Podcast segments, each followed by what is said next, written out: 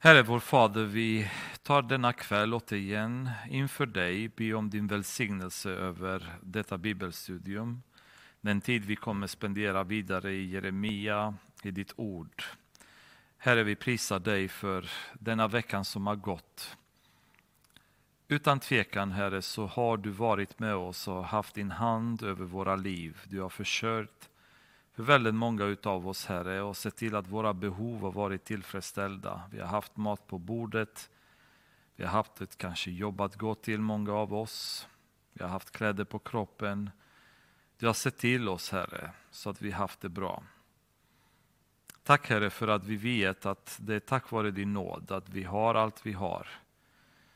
Du har bevittnat vår önskan, Herre, att följa dig. Du vet att i djupet av vårt hjärta så har du en viktig plats för oss, Herre. Helige Ande, jag ber att du ska styra oss ikväll så att tankarna blir rätt, så att orden kommer från din mun och inte min. Och många hjärtan ska bli berörda som lyssnar på ditt ord.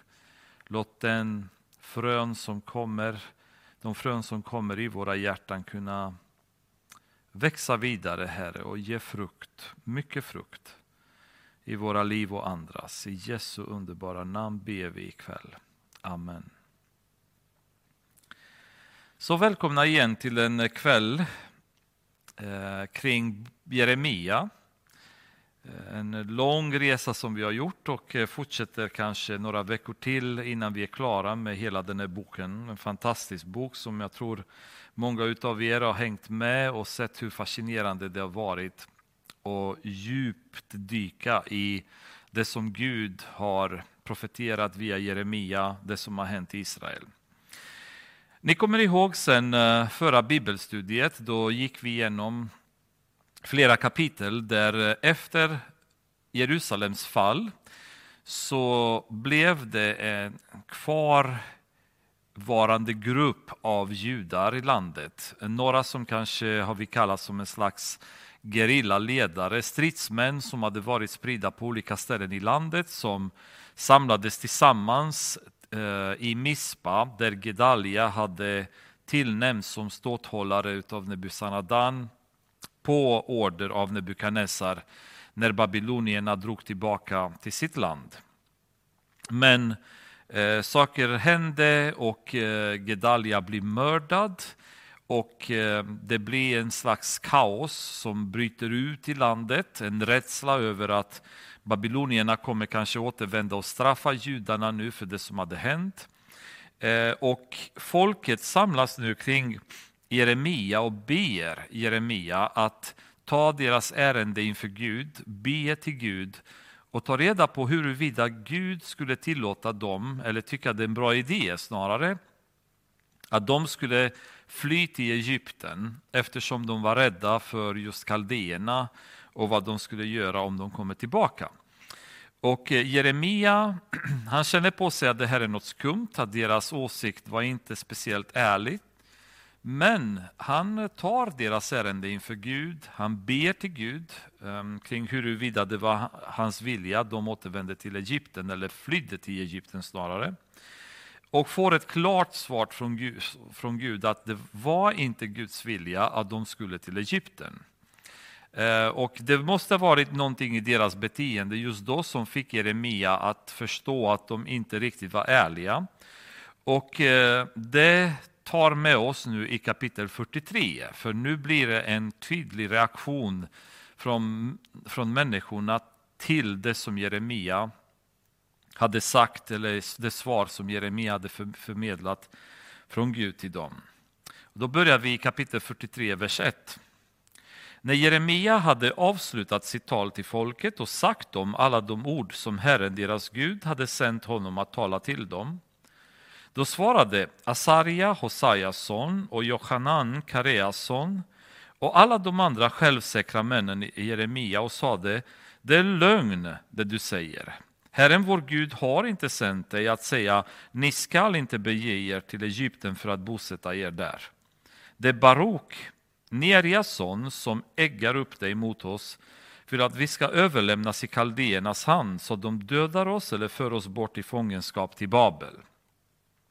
När de kom till Jeremia, de här människorna, de hade lovat Jeremia att oavsett vilket svar de skulle få ut av Gud så skulle de lyda det.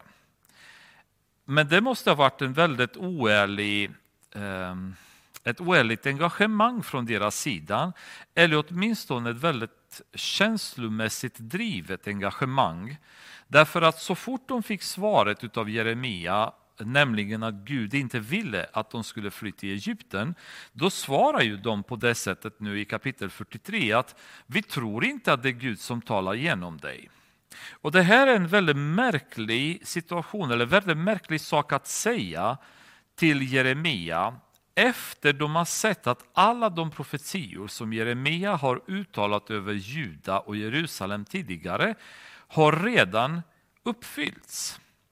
Så han genom hela sitt liv som profet har misstänkliggjorts, har anklagats för att vara förrättare och anklagats för att vara en falsk profet utav folket, prästerskapet, falska profeterna, etablissemanget, eliten kan man säga, kungahuset och tjänarna.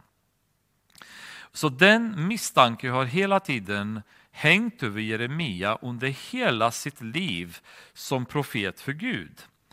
Trots detta så ser man hur hans profetier besannas. Och enligt Bibeln och eh, Moseböckerna där lagen gavs så var standarden för att bedöma huruvida en profet, kom, en profet kommer från Gud att se om det han profeterar kommer uppfyllas. Och gör det det, då är den människan från Gud. Annars var det en falsk profet som skulle stenas till döds. Och eh, Gud använder flera gånger just de eh, egenskaperna eh, när han försöker att förklara för folk att han är den sanne guden. Därför att han säger många gånger Kolla med era falska gudar, se om de kan profetera i framtiden, se om de kan tala för er vad som kommer hända. Så ett tecken som Gud försöker hela tiden att och använda för att visa folket att han var på riktigt, att han var den sanne guden, att hans profeter var på riktigt, det var att det de profeterade om, det uppfylldes. Och då snackar man tiotals, hundratals år ibland längre fram i tiden så uppfylldes de här profetierna. Och det var tecknet på att då är de från Gud. Det här är Gud som ligger bakom. Medan de falska profeterna de kan aldrig förutse framtiden och de falska gudarna kan varken prata, höra eller röra på sig. Som det står på flera olika ställen. Så det är väldigt märkligt att efter allting som Jeremia har sagt och nu har man haft svart på vitt att det har uppfyllts, att de fortfarande inte begriper att han är en äkta Guds profet. Och när han ger dem det budskap som de egentligen inte ville höra så, så slår de bakut och säger du ljuger för oss. Det, det, är inte Gud som har skickat dig att säga detta. Samtidigt som bara några rader bort var samma människor som hade lovat inom situationstecken på heder och samvete att göra precis så som Jeremia säger. Och Det är väldigt eh, vanligt, skulle jag säga, i världen idag att människor tar beslut eller eh, de svär vid att om det och det händer så ska jag göra det och det. Därför att det finns olika känslomässiga tillfällen när hjärtat bultar lite, lite mer och då vill man så mycket, man blir bara så brinnande och man tror att man är kapabel att ta ett beslut som man sedan följer. Men sen när priset för att ta det beslutet kommer fram, då visar sig väldigt ofta att man är inte kapabel att uppfylla det löfte man har gett Gud. Så om man inte, om man inte kan eh, följa eh, upp det löfte man ger Gud, det är bättre att man inte ger Gud ett löfte. Eh, man ska inte behöva svära ehm, inför Gud att man kommer göra saker därför att om man har gjort det, då måste man hålla sig till det. Så de eh, får inte det svaret de har förväntat sig. De blir irriterade och anklagar Jeremia att eh, i princip ha hittat på och att han är i, i stort sett påverkad av Barok som var hans sekreterare. Varför de skulle tycka det vet vi inte. Vad de hade för relation till Barok eller vilken slags person Barok var. Men det är vad de tror i alla fall, att det är han som har äggat Jeremia mot dem. Det är egentligen inte Gud som talar. Ehm, varken Johanan, Karias son, eller någon av befälen eller någon av folket ville lyda Herrens röst och stanna kvar i Judaland. Istället tog Johanan Kariason och alla befälen med sig, alla som fanns kvar i Juda och hade återvänt från alla de hedna folk dit de hade varit fördrivna för att bosätta sig i Judaland. Både män, kvinnor och barn, kungadöttrarna och alla andra som Nebusaradan, översten för drabanterna, hade lämnat kvar hos Gedalia, Ahikams son, Safans son samt profeten Jeremia och Baruk, Nerias son. De begav sig till Egyptens land, ty de ville inte lyssna till Herrens röst, och de kom till Tachpanches. Så de här befälen tar beslutet att ta med sig folket och flytta allihopa till Egypten, fly dit. Och um, känslan är att mer eller mindre motvilligt så tar de med sig Jeremia och Baruk.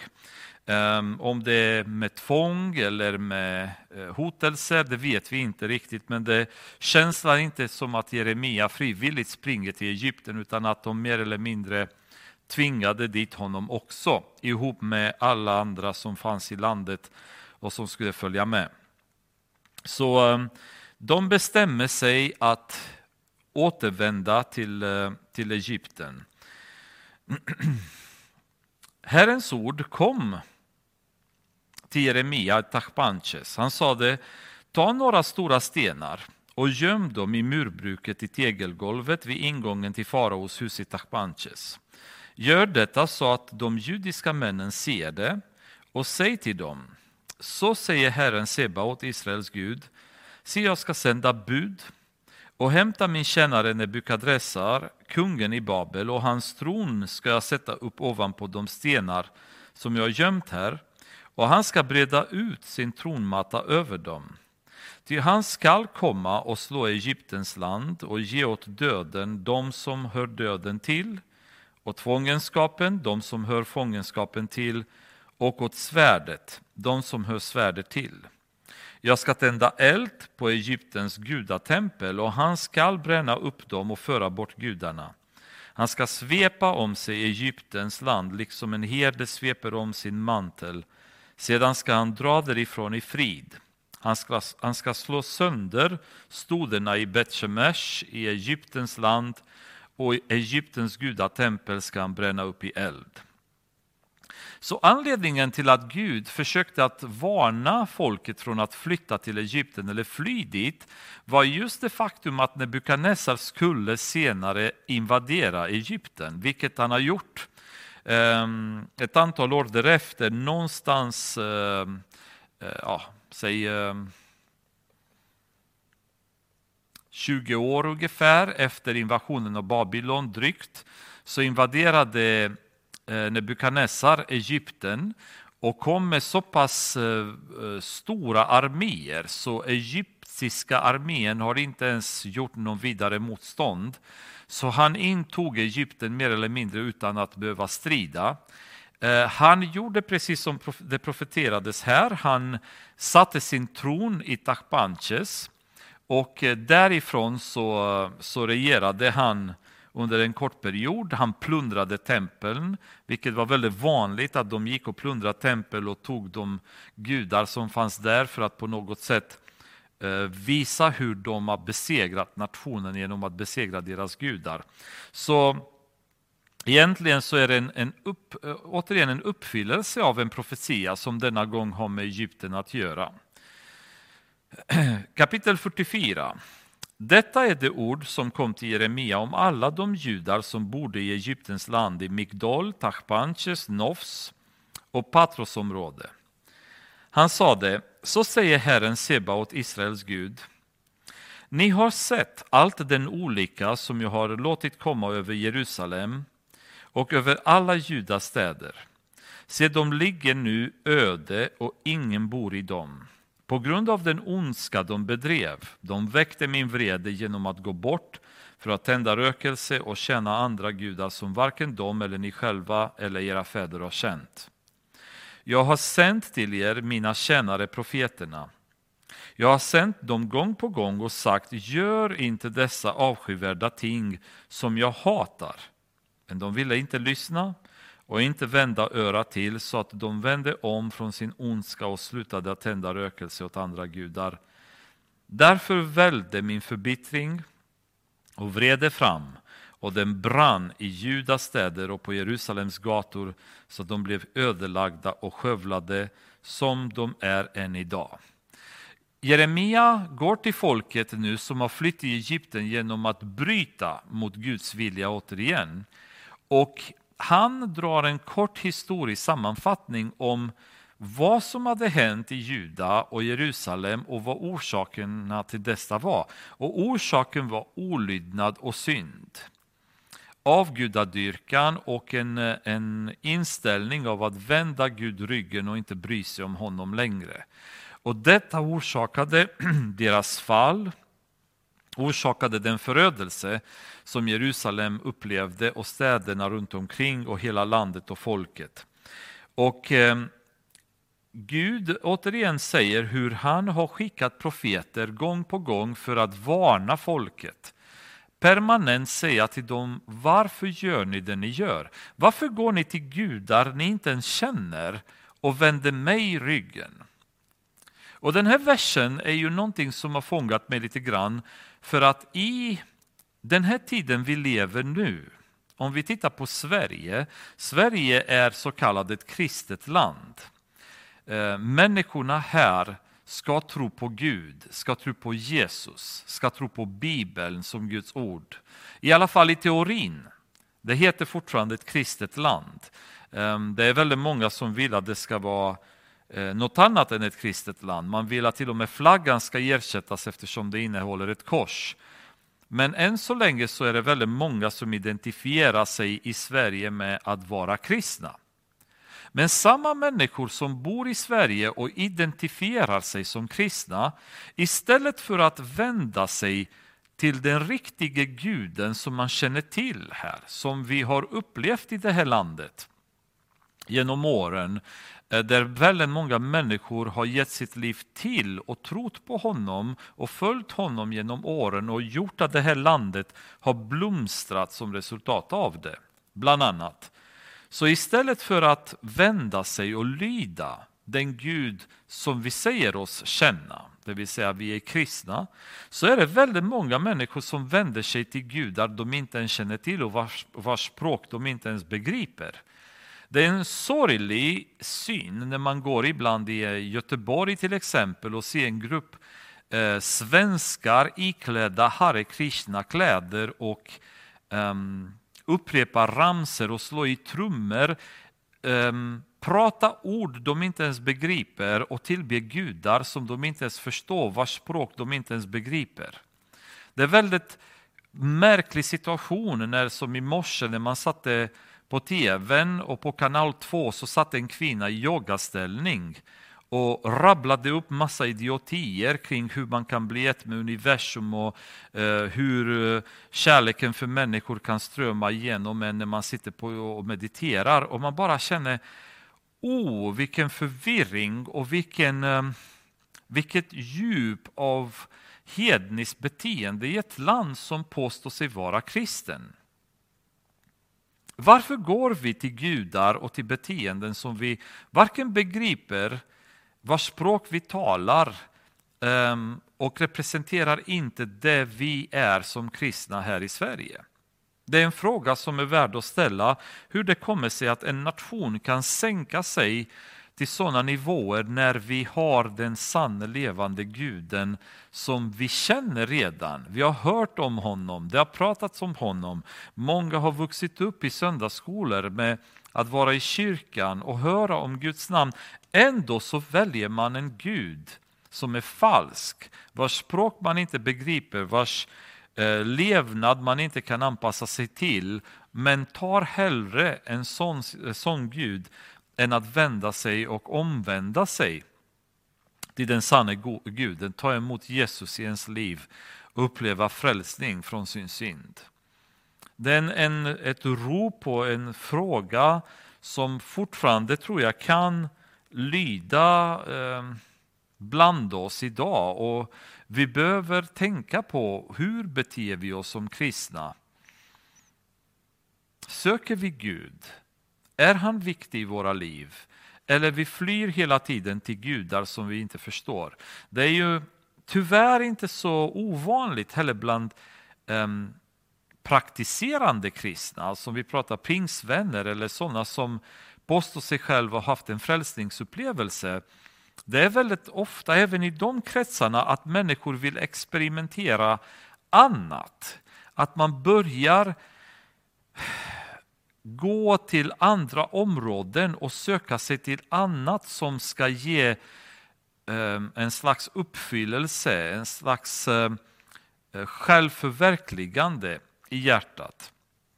Och det är inte, inte tyvärr ovanligt att en, en del kristna faller från tron till exempel på grund av deras hunger för vetenskap och kunskap. Man kan läsa bok efter bok och bli superakademisk i en nivå där man börjar tappa, tappa sikten om Gud på vägen. Man blir upptagen av sin egen mänskliga förmåga att begripa saker och ting. Så till slut så glömmer man bort Gud på vägen. Man blir på något sätt eh, en Gud själv eller följer en vetenskapens Gud som man varken begriper, som inte fyller deras hjärta med någonting, um, men kan ändå inte låta bli. Så låt oss få undvika att bete oss som israeliterna och ha klart för oss vem vi följer, vem vår Gud är och följa honom alltid och inte springa efter andra gudar eller annat som kan bli en gud för oss. Och nu säger Herren, härskarornas Gud, Israels Gud så. Varför drar ni så mycket ont över er själva? Ni utrotar ur Juda både man och kvinna, barn och spädbarn, så att ingen enda av er blir kvar. Med era händers verk väcker ni min vrede genom att ni tänder rökelse åt andra gudar i Egyptens land, dit ni har kommit för att bosätta er där. Därför måste ni utrotas och bli till förbannelse och vanära bland jordens alla hedna folk. Har ni glömt den ondska som era fäder bedrev och som judakungar och deras hustrur, ni själva och era hustrur bedrev i Judaland och på Jerusalems gator? I dessa verser så, så ser vi hur Gud varnar dem igen att det kommer att komma samma straff över dem nu som har flytt till Egypten som över dem som hade varit i Juda tidigare på grund av synden. Och Det här är också en väldigt, ett väldigt märkligt beteende. De här människorna har levt igenom Jerusalems förstörelse. Ett av de, en av de mest traumatiska händelserna i Israels historia någonsin. Eh, den kända Jerusalems förstörelse när staden jämnades ut med marken, templet förstördes, plundrades, allting blev en ruin. Mycket tragisk händelse för judarna. De här människorna hade levt sig igenom det. Och istället för att konfrontera de problem som de hade i sina liv och göra upp med Gud och omvända sig så tror de att genom att fly till Egypten så kommer de undan sina problem. De kommer bort från de problem som de hade upplevt. De kommer bort från risken att Nebukadnessar återvänder och återigen kommer förstöra dem och döda dem och plundra allt. Och söker hjälp till Egypten. Och ni vet att i Bibeln är Egypten alltid um, en bild utav världen som vi som kristna har lämnat bakom oss när vi har blivit frälsta. Och symboliskt sett så kan man väl säga att de försöker att återvända tillbaks till det liv som de hade innan. De återvände till, till Egypten. För ni kommer ihåg att för många hundratals år tidigare hade Gud tagit judarna, Israel, från Egypten för att rädda undan dem och ge dem ett förlovat land.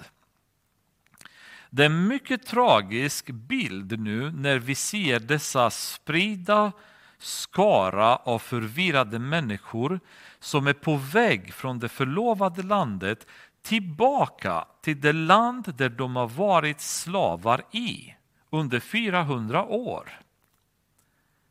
En mycket tragisk bild att se de här människorna som istället för att konfrontera de problem, de synder de hade i sina liv, omvända sig och göra upp med Gud.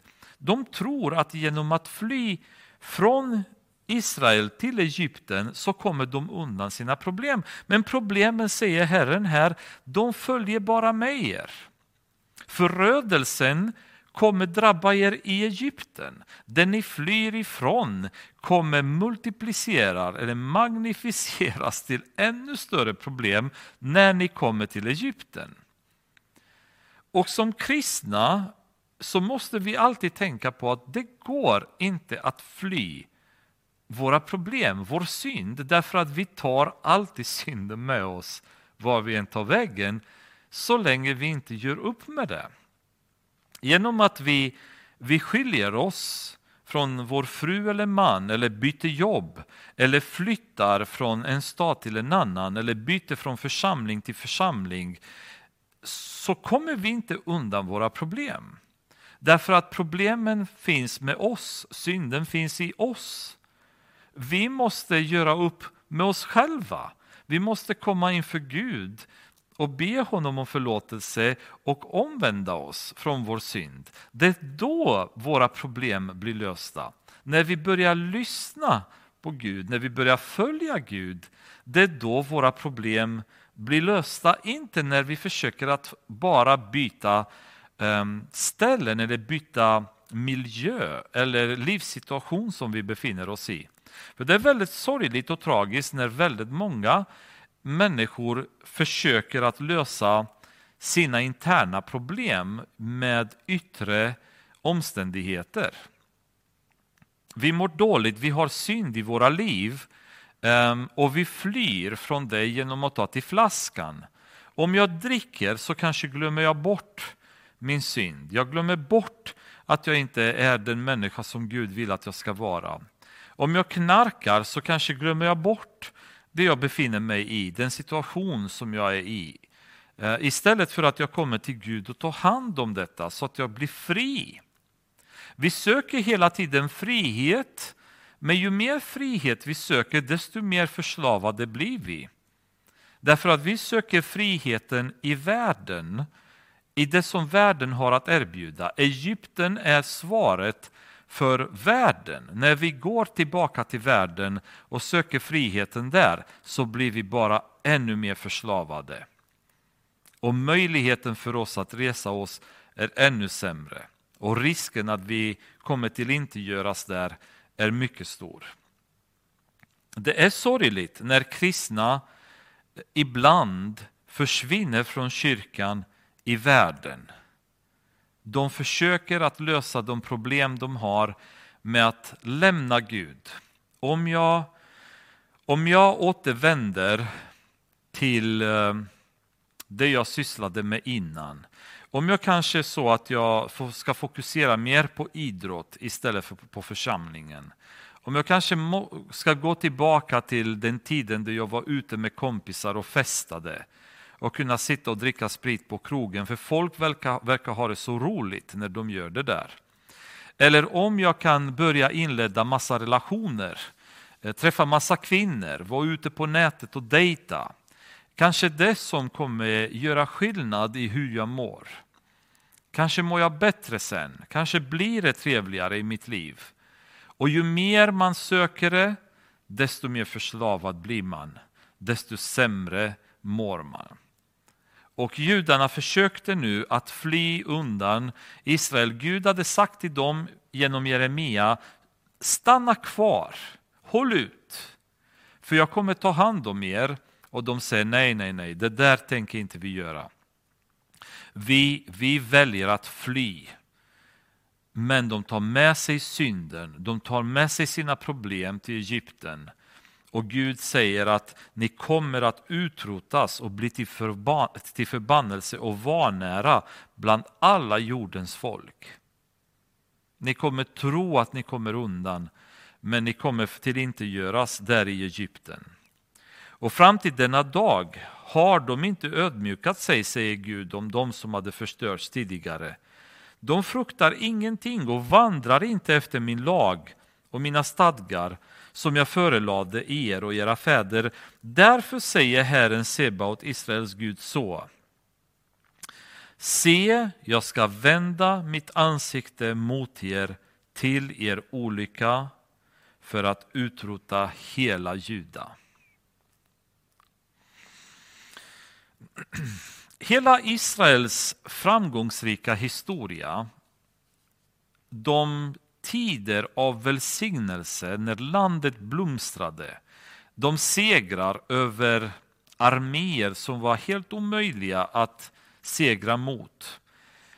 Alla dessa tider har berott på en välsignelse eller en sak som Gud hade bett Mose att säga till Aron och hans söner att uttala över folket i första Moseboken, eller fjärde Moseboken, sjätte kapitlet, vers 24 och 26. Herren vände sitt ansikte till dig och give dig frid. När Guds ansikte är vänt till oss, det är då människan lever i fullheten av relationen med Gud. Det är då ens liv är bara fullt med heliga anden så det bubblar över. Det är då livets bekymmer blir insignifianta därför att Guds frid i våra liv är så stor. Är mer än någon annan människa kan begripa hur det fungerar. När Guds frid lägger sig i människans hjärta. När ens vägar blir utjämnade framför en. När motståndet eh, rivs undan innan man, man ens kommer fram. Det är som Gud har sagt till israeliterna att jag kommer gå före er i Kanaans land. Och jag kommer driva ut folket framför er. Alltså att komma in i landet och Gud har redan stridit för dig. Han har redan drivit ut folket på olika sätt. Du bara går och intar landets välsignelse, alltså fullheten av relationen med Gud som så många av oss kristna missar. Därför att vi missar den här, det här livet med Gud när Guds ansikte är hela tiden vänt till oss. För när Guds ansikte vänds till oss då får man den här glädjen i sitt liv. Alltså första kärleken som Jesus pratar om i Uppenbarelseboken när han säger till en av församlingarna det jag har emot dig är att du har förlorat din första kärlek. Du har inte den här kärleken och glädjen och entusiasmen för Gud. Och Det resulterar i att hela den här blomstrande tiden som vi har i våra liv blir förvandlat mer till jobbiga situationer. När man tittar på David, när han kom till makten som kung var han så otroligt välsignad av Gud. Guds hand var över honom, allt han gjorde blev välsignat.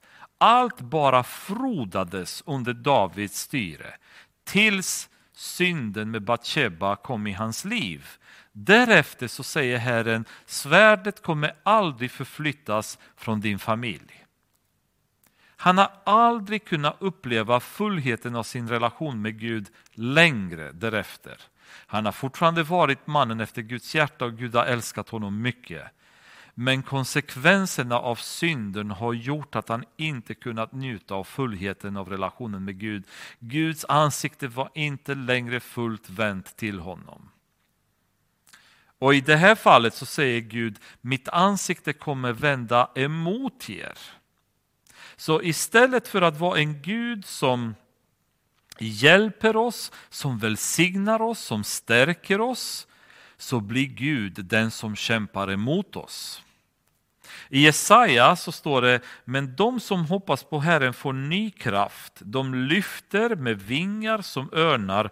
De skyndar iväg utan att mattas. De färdas framåt utan att bli trötta. Det är mannen som lever med Gud. Det är människan som lever i fullheten av relationen med Gud. Man blir inte trött, man blir gammal men man blir inte trött.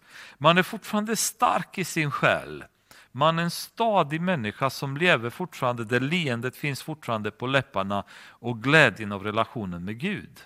Och Mose, i femte Moseboken 34, vers 7 står det Mose var 120 år när han dog, hans ögon var inte skumma, hans livskraft inte försvunnen. Men det var mannen som talade med Gud ansikte mot ansikte. Det Gud hade sitt ansikte vänt till honom. Och då var inte hans ögon skumma, inte livskraften borta, trots att han var 120 år gammal. Det är ju dessa människor som lever i fullheten av relationen med Gud som jag längtar efter att uppnå själv, att kunna komma till den nivån där man bara vill vara med Gud. Där man bara längtar till att uppleva Gud i ens liv och få bara fullheten av hans välsignelser. Föreställ dig i vår församling och ha den, det livet med Gud tillsammans som kyrka. Att Guds ansikte är vänt till oss hela tiden istället för emot oss. Men då måste vi sluta kokettera med världen hela tiden. Då måste vi sluta söka oss tillbaka till världen.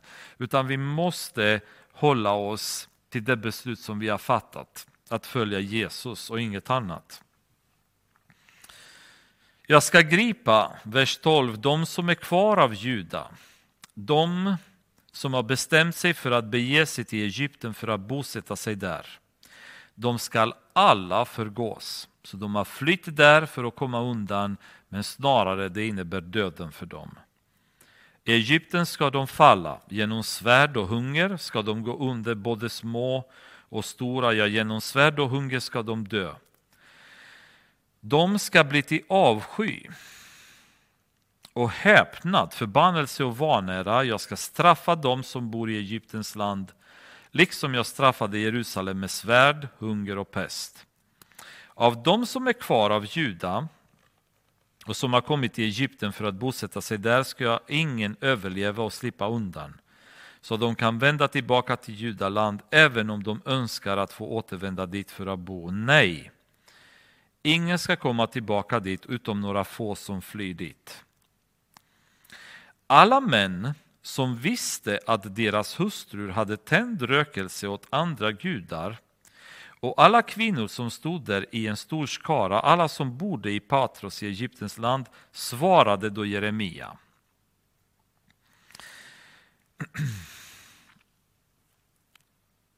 Det som hade hänt var att under förfallet som hade skett i Juda, som Ehm, föregick Jerusalems fall.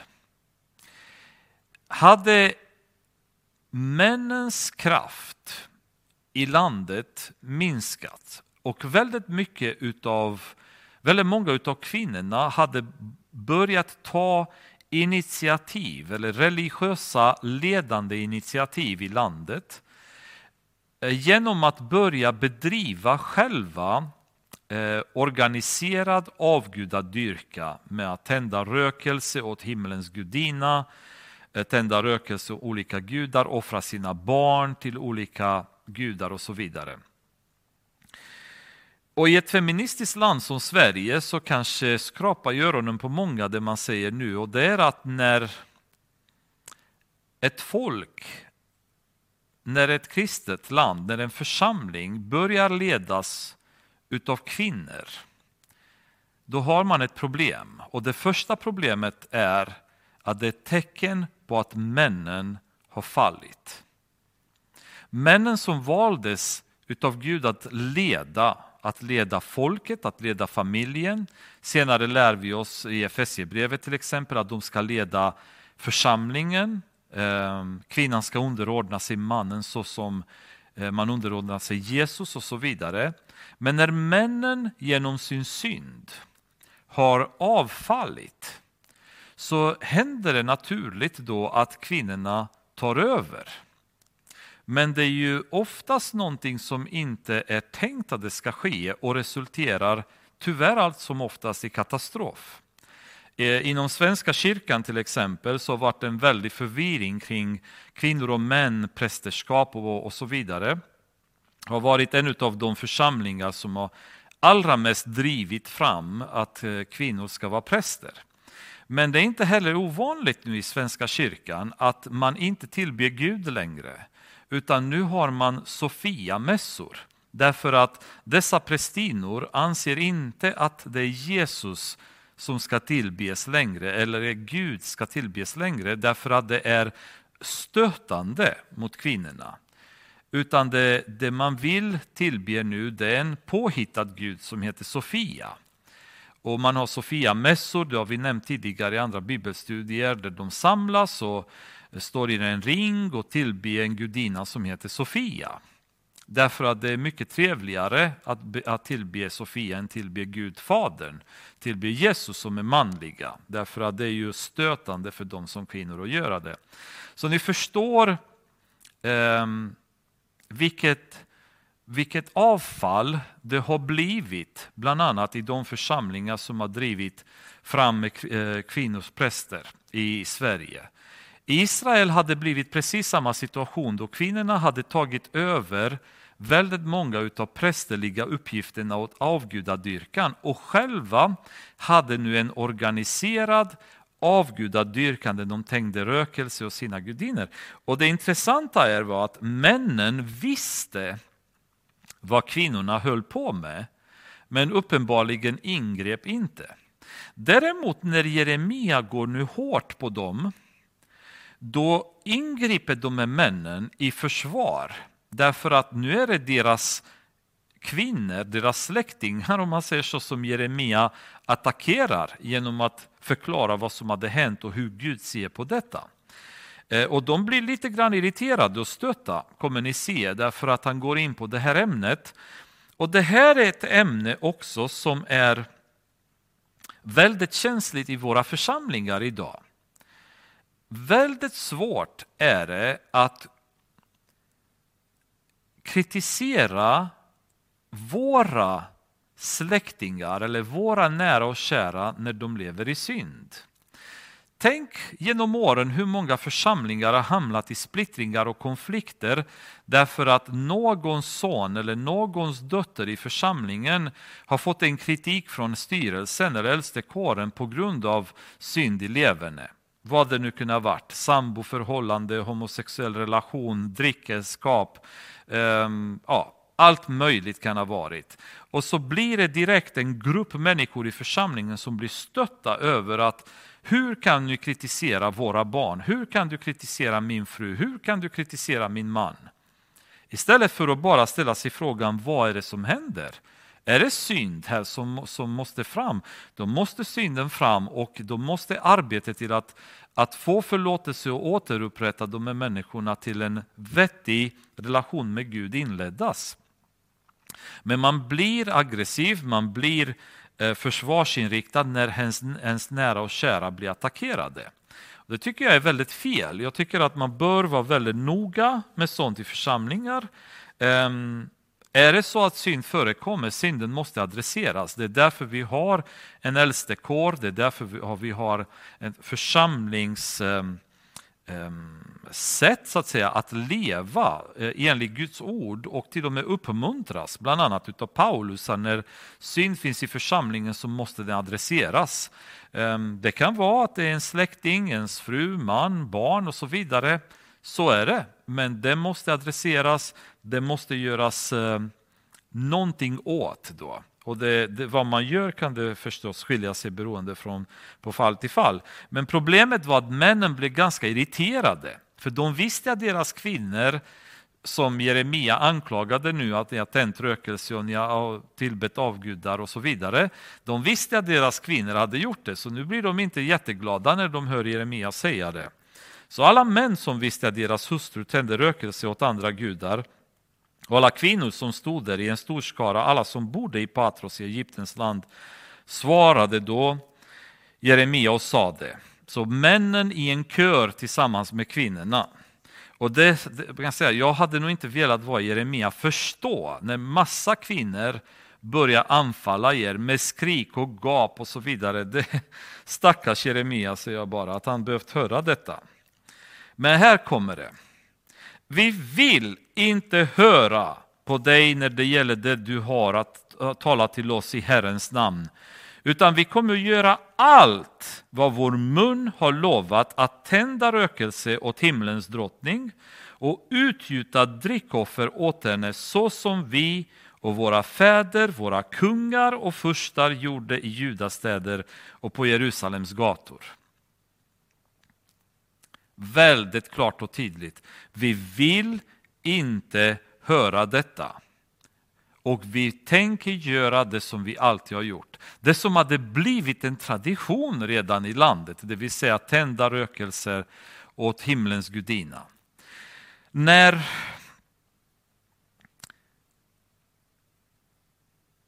kvinnorna i ett land börjar spåra ut på det sättet så skulle jag väl säga att det är ett, ett land där kvinnorna spårar ur och börjar med avgudadyrkan, börjar bränna sina barn i eld som de gjorde då. Um, börja hänge sig åt synd. Det land går mot förfall. För kvinnorna är ryggraden för väldigt många samhällen, för våra familjer, för våra länder. Starka kvinnor och gudfruktiga kvinnor har inneburit balans, harmoni i väldigt många familjer genom åren. Ehm, det finns ju åtskilliga fall av familjer som, där männen har varit otroligt inkapabla att att leda familjen. De har supit, de har slarvat bort pengar, de har kanske varit otrogna och sprungit runt och hållit på eh, ett miserabelt liv. Men där kvinnan i familjen har varit stark och hållit ändå familjen ihop, tagit hand om barnen, lyckats rädda familjen genom att följa Gud, jobba för honom på alla möjliga sätt och vara ett exempel för de andra. Och många av de här kvinnorna genom sitt liv har till och med tagit med sina män till frälsning eh, förr eller senare. Sådana kvinnor är grunden på vilket ett samhälle byggs. Det är betydligt svårare i en familj där mannen försöker att hålla sig stark, men kvinnan spårar ur. Där kvinnan börjar supa, knarka, eh, jaga efter andra män och så vidare. Sådana familjer generellt eh, havererar ganska omgående. Men märkligt nog, i andra fallet så, så kan familjerna hålla sig väldigt starka trots att mannen spårar ut och beter sig kanske som ett svin många gånger. Men kvinnan som håller sig fast vid Gud håller familjen vid liv och lyckas rädda det. Kvinnorna är en eh, viktig del i vårt samhällsbygge, i hur man uppfostrar barnen. När barn skadar sig, när barn mår lite dåligt, de springer alltid till mamma. De springer nästan aldrig till pappa. Det är bara så, vare sig vi gillar det eller inte. Kvinnan är ju så viktig, men när kvinnorna spårar ur, när de förlorar sin roll som Gud har gett dem, då är det förfall på vägen, eller fara och färde kan man lugnt säga är på gång. Och det förfall som blev Israel var bland annat också att familjerna hade brutit samman. Eh, kvinnornas roll hade förändrats, männens roll hade förändrats. Eh, avgudadyrkan hade lett till promiskuitet bland annat, till eh, olika sexuella ritualer som de gick igenom och familjen som hölls fast av starka kvinnor en gång i tiden hade kollapsat och samhället kollapsade med det. Ehm, likväl skulle jag väl säga vilken välsignelse det är för väldigt många utav oss att ha gudfruktiga kvinnor hemma. Att ha en fru som följer Gud, att ha en fru som när man kommer hem kan man hitta henne sitta och läsa Bibeln, be, eh, ta hand om familjen, Var en underbar kvinna att kunna som man gå och luta sig mot och få visshet och få hjälp. När det blir tufft så får man en, ett stöd, någon som man kan älska och någon som man blir älskad utav. Sådana kvinnor är en välsignelse från Gud. Och många av oss som har dem får vara tacksamma till Gud att han har varit nådig och gett oss underbara fruar. Och det är en välsignelse för vilken familj som helst att ha en fru som lever gudfruktigt med Gud. Vi kan inte föreställa oss hur många barn har räddats undan helvetet av mammor som har tidigt undervisat om Bibeln från barnastadiet. Som har bett för dem, som har bett med dem och lett dem in till frälsning. Kanske när männen har varit ute och jobbat och varit upptagna och haft mycket för sig har mamman varit hemma och kämpat med barnen och tack vare det så är barnen frälsta. Vi har ingen aning, men faktum är att i det här fallet så var det motsatsen som hade hänt. Kvinnorna hade drivit igenom en ökad avgudadyrkan till en nivå som var avskyvärd i Guds ögon. Och de tillsammans med sina män hade bestämt sig att vi är inte intresserade, vi vill inte ens lyssna på vad du har att säga Jeremia. Då hade vi tillräckligt med bröd, säger de. Och det gick bra för oss och vi såg inte till någon olycka. Men sedan vi slutat att tända rökelse åt himlens drottning och utgjuta drickoffer åt henne har vi lidit brist på allt och går under genom svärd och hunger och när vi tände rökelse åt himlens drottning och utgöt drickoffer åt henne så var det inte utan våra mäns samtycke som vi gjorde offerkakor åt henne, kakor som bar hennes bild och utgöt drickoffer åt henne. Så kvinnornas slutsats är att det lidande som de hade upplevt, Jerusalems fall, det elände som hade kommit, eh, flykten till Egypten, detta var ett straff från himmelens gudinna därför att de hade slutat tända rökelse och de hade slutat baka offerkakor med hennes bild på dem. Det var den nivån av total religiös förvirring som de hade hamnat i. Istället för att lyssna och höra vad Gud hade sagt till dem att det är på grund av er synd som jag är tvungen att straffa er, så säger de att nej men det här var inte Gud, det här var himlens gudinna som har straffat oss på grund av att vi har slutat tillbe henne. Så nu vill vi börja tillbe henne igen därför att då kommer vi leva mycket bättre. När vi blir kristna, det som händer i våra liv det är att vi gör slut med världen, vi gör slut med vårt liv i synd. Vi omvänder oss och vi blir Guds barn.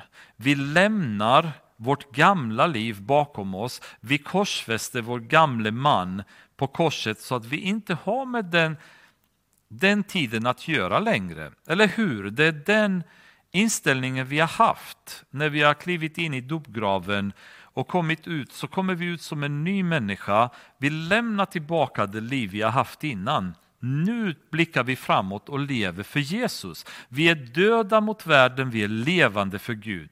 Det är det livet som vi har omvänt oss till. Men hur ser det ut ett antal år därefter? Är vi fortfarande så? Eller har vi någonstans på vägen börjat dra ner på takten, börja vända oss tillbaka och titta på det vi har lämnat bakom oss och börja längta tillbaka till det livet som vi har lämnat bakom oss. För det är väldigt många som under ett känslofyllt Nyhemsmöte i tält med fin musik, förstår ni, lovsången det bara, det bara finns. Man känner Guds atmosfär i tältet. Bara massa kristna människor som prisar Gud. Och det står man och så bara känner man, åh Herre, jag ger mitt liv till dig nu, här, idag. Ett starkt känslomässigt beslut som vi tar. Och en del av oss tror att det där betyder frälsning, att vi har lämnat vi har lämnat världen bakom oss, vi har gett vårt liv till Gud. Därefter så är vi en ny människa. Men efter ett antal år så börjar livet bli lite tyngre. Vi tycker mötena i kyrkan är inte så spännande längre som det där tältmötet på Nyhem. Musiken är inte lika häftig. Vardagen hinner ikapp oss. Och då börjar vi så småningom längta tillbaka till gurkorna som vi har lämnat i Egyptens land. Och tänkte bara att åh, vi hade så mycket roligare förr i tiden. Då var vi ute och dansade. Då var vi ute på konserter. Vi hade så mycket kompisar som nu vi, vi verkar ha förlorat. Allting var så mycket lättare och roligare då än nu när man är kristen. Och så börjar man så småningom vända sig tillbaka och längta efter världen. Efter man har upplevt Gud, efter man tror att man har, man har tagit emot Jesus, så går man tillbaka och vi börjar dricka igen. Vi börjar leva ett promiskuöst liv igen. Vi slutar gå till kyrkan. Vi vill inte läsa Bibeln längre för varenda gång vi gör det så anklagar det oss. Det är jobbigt. Bönen existerar inte längre i våra liv. Och någonstans på vägen har vi lämnat Gud. Det är precis vad judarna hade gjort här själva. De hade, hade fått uppleva Gud men sen vänt tillbaka och ville tillbaks till sin himlens drottning. De ville baka kakorna igen med himlens drottnings bild. För då hade, det, hade vi det så mycket bättre, säger kvinnorna. Det var mycket roligare då än det är nu. Nu är det jobbigt. Men då var det mycket roligare. Eh, Paulus hade ett starkt möte med Jesus på Damaskus väg. Och den dagen träffade han Jesus och den dagen förändrade hans liv totalt. Totalt. Många år därefter, många år därefter så skriver han till, Filippi, eh, till de kristna i Filippe och säger så här men allt det som var en vinst för mig räknar jag nu som förlust för Kristi skull. För innan det så säger Paulus att han har levt ett liv som var mer eller mindre perfekt. Men nu säger han allt det som var en vinst för mig, allt det som jag var innan, allt det som gjorde mig så viktig, så stor, så häftig som jag var då, allt det räknar jag nu som förlust för Kristi skull. Ja, jag räknar allt som förlust därför att jag har funnit det som är långt mer värt. Kunskapen om Kristus Jesus min Herre. För hans skull har jag förlorat allt och räknat det som avskräde för att jag ska vinna Kristus. Många år senare efter Damaskus upplevelse har Paulus fortfarande räknat sitt gamla liv som avskräde, skräp. Någonting som jag aldrig vill tillbaka till därför att det är så mycket viktigare att få kunskapen om Jesus Kristus. Hur många utav oss är sådana? som inte blickar tillbaka till vårt gamla liv utan vi har bara blicken hela tiden framåt på vår Herre Jesus Kristus. Eller längtar vi fortfarande efter synden? Längtar vi fortfarande efter det som världen har att erbjuda oss? Underhållningen, spänningen, synden med allt dess förlustelser. Vår yrke, vårt status, våra vänner som respekterade oss och såg upp till oss. Eller räknar vi detta som avskräde för bara glädjen av att få kunskapen om Jesus Kristus? Paulus har aldrig någonsin blickat tillbaka till sitt gamla liv och längtat dit. Utan han har bara ångat framåt hela hans liv. Judarna längtade tillbaks, de ville baka kakor igen, de ville tillbe drottningen igen. Och fattade ingenting. De förstod inte att hela deras misslyckande berodde just på detta. Utan de trodde att världen hade lösningen, Egypten hade lösningen, det syndiga livet, livet utan Gud, utan hans påbud, utan hans övervakning, eh, där jag får göra som jag vill. Åh, det är så mycket bättre. Men den friheten de sökte, det förslavade dem och det förstörde dem. Jeremia svarade allt folket, männen och kvinnorna och alla som hade givit honom detta svar. Han sade, skulle inte Herren komma ihåg att ni själva och era fäder, era kungar och furstar och folket i landet har tänt rökelse i Judas städer och på Jerusalems gator, och skulle han inte bry sig om det? Herren kunde inte längre tåla era onda handlingar och de avskyvärda ting som ni höll på med, utan ert land lades öde och blev till häpnad och förbannelse så att ingen kunde bo där så som det är idag. Därför att ni tände rökelse och syndade mot Herren och inte lyssnade till Herrens röst eller vandrade efter hans lag, hans stadgar och vittnesbörd. Därför har denna olycka drabbat er, så som det är idag. Jeremia sade vidare till hela folket och till alla kvinnorna. Hör Herrens ord, alla ni av Juda som är i Egyptens land, så säger Herren Sebaot, Israels Gud. Ni och era hustrur har i handling fullgjort vad ni har sagt med era mun. Ni sade, vi vill hålla de löfte som vi gav, att tända rökelse åt himlens drottning och utgjuta drickoffer åt henne. Håll då era löften, ja, uppfyll dem. Hör därför hennes ord, ni alla av judar som bor i Egyptens land. Se, jag svär vid mitt namn, vid mitt stora namn, säger Herren. Alltså Gud när man svär på någonting så svär man alltid på något som är högre. Men Gud kan aldrig svära på något som är högre än honom. Så varenda gång som Gud i Bibeln säger jag svär så säger han alltid jag svär på mitt namn. Därför att det är det högsta som finns. Guds namn är eh, ovanför alla andra namn. Det finns inget som är större än Guds namn. Eh, jag, stod, jag svär vid min stora namn, säger Herren, att i hela Egyptens land ska mitt namn inte mer nämnas av någon judisk mans mun, så att han säger, så sant säger Herren, så sant Herren, Herren lever. Jag ska vaka över dem till deras olycka och inte till deras lycka. Så jag ska se till, jag ska vaka över dem så att de bara upplever olycka och ingen lycka vända sitt ansikte mot dem och inte till dem längre. Och alla män av Juda som är i Egyptens land ska gå under genom svärd och hunger till dess att det är slut med dem. Några få som undkommer svärdet ska få komma, vända tillbaka från Egyptens land till Judaland.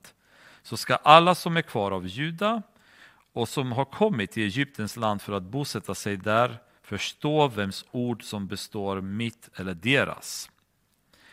Och detta ska, vara, ska för er, att, eh, er vara tecknet på att jag ska straffa er på denna plats, säger Herren. Så nu vill Herren säga, om ni tror att det här är intressant, om ni tror att Jeremia pratar eh, efter eget huvud eller Baruk har fått honom att säga någonting. Här kommer ni ha beviset på att det han säger är sant.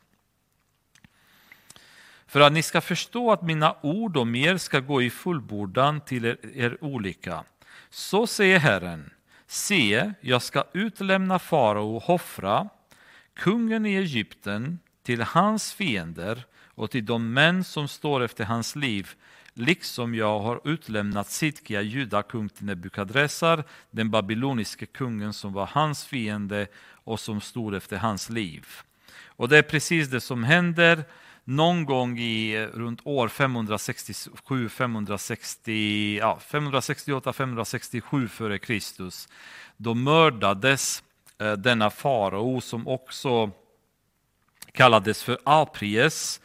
Ehm, och det var ju han som egentligen skulle ha kommit och um, hjälpt kung Joakim då under babyloniska invasionen. Och han mördades i Egypten då. Och eh, det var Guds tecken på att när ni kommer se detta hända, då vet ni att det var jag som har talat till er. I och med detta så avslutar vi eh, mer eller mindre Jeremias profetier till Juda och Israel. Eh, det kommer att komma ett antal kapitel med profetier riktade till länderna runt omkring Juda och Israel. Men eh, spännande kapitel tycker jag som påminner oss väldigt mycket om oss själva, eller hur? Om tider då vi själva har längtat tillbaka till Egypten. Vi har tittat bakåt och känt bara, mm, det var roligt då. Ehm, jag berättade för Carolina, jag hade själv en sån stund i mitt liv när jag blev väldigt ehm, eld i min relation med Gud och tyckte det var väldigt härligt att bara ta tid och vara med honom. Och eh, såg en dokumentär om Beatles. Jag eh, älskade Beatles musik. Och då sa John Lennon där att we, we are more popular and bigger than Jesus ever was. Formulerat ungefär så här. Vi, vi är större och mer berömda än vad Jesus hade varit. Och då tände jag till, tänkte jag det här tänker inte jag lyssna på mer. Så jag raderade alla Beatles-låtarna som jag hade spelat in och så var de bara borta. Jag vill inte ha dem i mitt liv. Men ett antal år senare så började jag längta tillbaka till olika Beatles-låtar och tänkte det skulle vara kul att lyssna på dem igen och börja spela in dem igen, eller ja, försöka att lyssna på dem. Och när jag läste det här så kände jag att det var så praktfullt exempel på hur man börjar kokettera tillbaka med sitt gamla liv. Titta tillbaka till Egypten och säga mm, men det, det var några grejer det som var riktigt roliga när vi levde i synd, när vi levde i slaveri i Egyptens land. Eh, det var mycket roligt när vi kunde tillsammans offra åt himlens gudinna.